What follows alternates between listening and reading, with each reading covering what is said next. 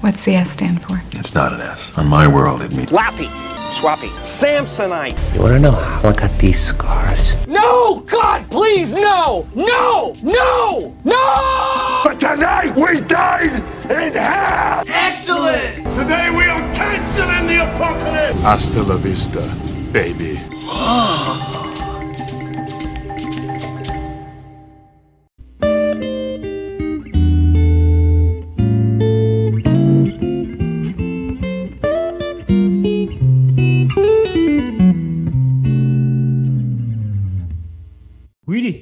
kira-kira apa yang akan kita lakukan ya?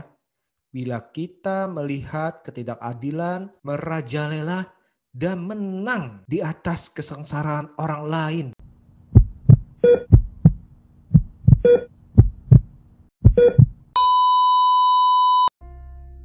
Hey hey hey, selamat bergabung kembali di channel BB69. Sobat BB69, pada episode hari ini kita akan membahas mengenai sebuah film thriller yang berjudul Promising Young Woman. Film ini berkisah mengenai seorang wanita bernama Casey yang di mana di saat siang hari dia ini seperti wanita biasa-biasa saja bekerja di sebuah kafe. Namun setiap akhir pekan seolah-olah dirinya itu berubah menjadi seorang pemangsa pria. Kira-kira sebenarnya apa nih yang terjadi? Atau apa yang menjadi motivasi daripada Casey ini? Film yang disutradarai dan ditulis oleh Emerald Fennell ini mempunyai premis yang unik. Jujur saja nih, di saat saya ingin menonton film ini, saya menyangka bahwa film ini akan menjadi film balas dendam, garis miling slasher yang penuh dengan darah-darah seperti film-film yang telah kita temukan sebelum-sebelumnya. Namun eh namun, ternyata semua itu salah. Dengan apik, sang penulis naskah membelokkan atau menjalin cerita ini menjadi suatu cerita yang justru menurut saya ini masuk akal dan membumi. Awalnya yang tadi saya bilang itu ini sepertinya mungkin hanya tindakan balas dendam terus ya dengan adegan-adegan pembunuhan segala macam yang berdarah-darah. Awalnya itu kita mungkin akan dibawa seperti itu nih. Dibawa seolah-olah ini pasti nih akan menjadi seperti ini filmnya tapi dengan smooth dibelokkan oleh sang penulis naskah menjadi satu drama yang manis. Dan berjalan dengan waktu dibelokkan lagi menjadi suatu thriller atau drama yang cukup pahit menurut saya nih. Dan inilah inilah yang membuat nilai lebih daripada sebuah film yang berjudul Promising Young Woman ini. Bagaimana tidak dengan premis yang sesimpel itu ternyata bisa digali banyak hal. Oke, sebut aja. Yang pertama nih, film ini dengan berani mengangkat ketidakadilan akan korban pemerkosaan atau pelecehan yang dialami oleh wanita. Di sini diangkat betapa bobroknya atau bisa bilang ini korupnya sistem pengadilan yang ada di dalam dunia. Bahkan dengan sogokan sedikit pun atau istilahnya dengan biaya tambahan aja, maka mereka yang menjadi tim atau bisa dibilang itu pengacara atau bisa dibilang itu yang tadi saya bilang itu hubunnya daripada sang terdakwa itu akan berusaha mencari celah mencari celah sekecil apa pun untuk menjatuhkan sang korban.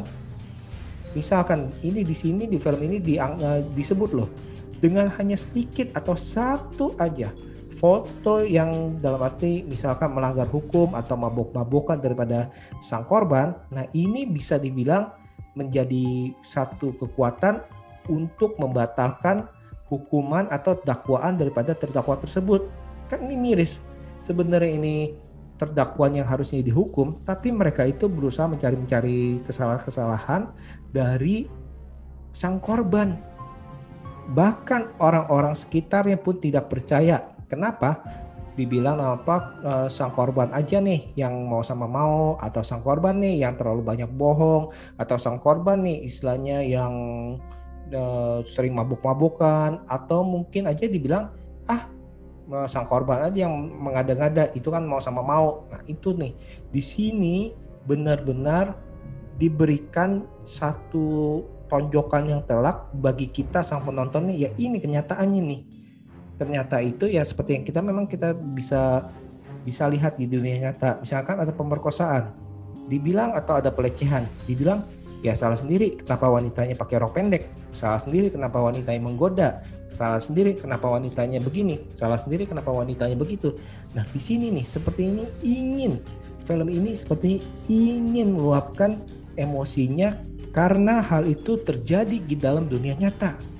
Terus selanjutnya, hal positif dari film ini atau yang saya bilang itu hal nilai plus dari film ini adalah film ini tidak terlalu membuat sang tokoh utama itu terlalu super atau misalnya kalau kita lihat di film-film balas dendam kan tiba-tiba itu sang tokoh utama bisa menguasai segala sesuatu tuh misalnya entah itu bela diri segala macam.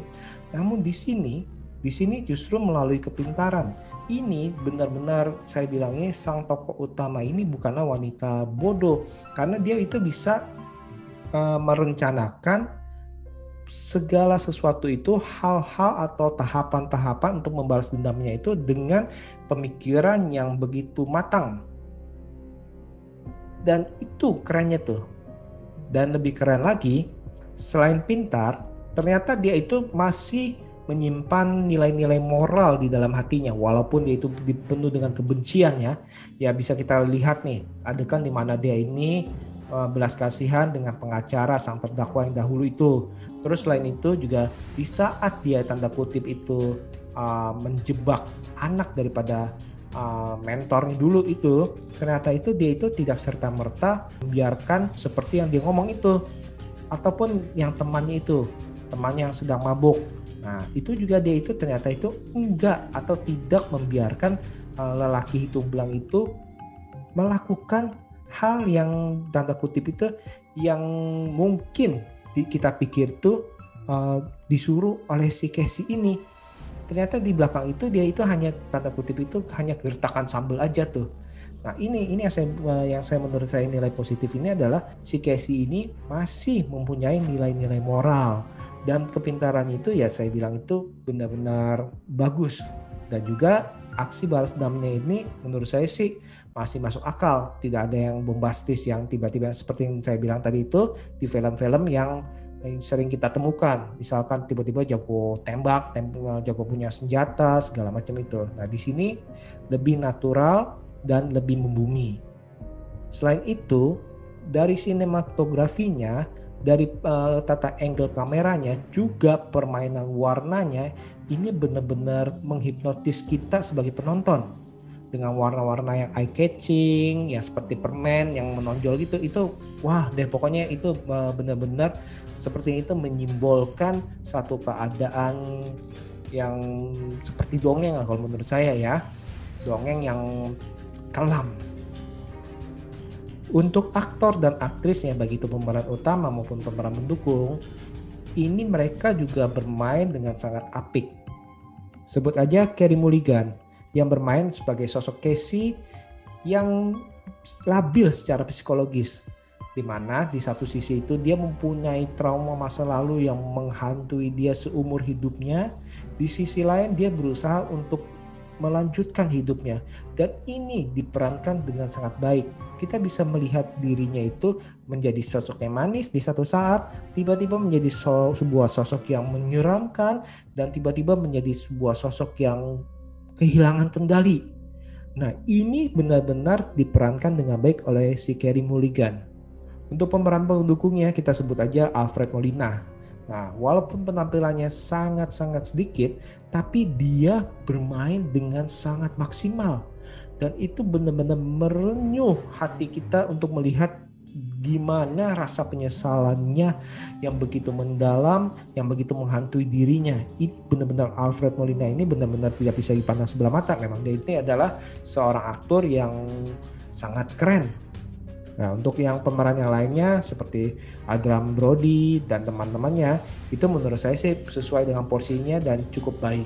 Overall, ini merupakan sebuah film yang jenius di mana menggabungkan segala unsur dari thriller, drama, revenge, dark comedy yang menjadi sebuah satu tontonan yang sangat keren. Oke deh, saya rasa sekian dulu episode kali ini. Jangan lupa dengarkan episode-episode lainnya tentunya dengan tema berbeda. See you.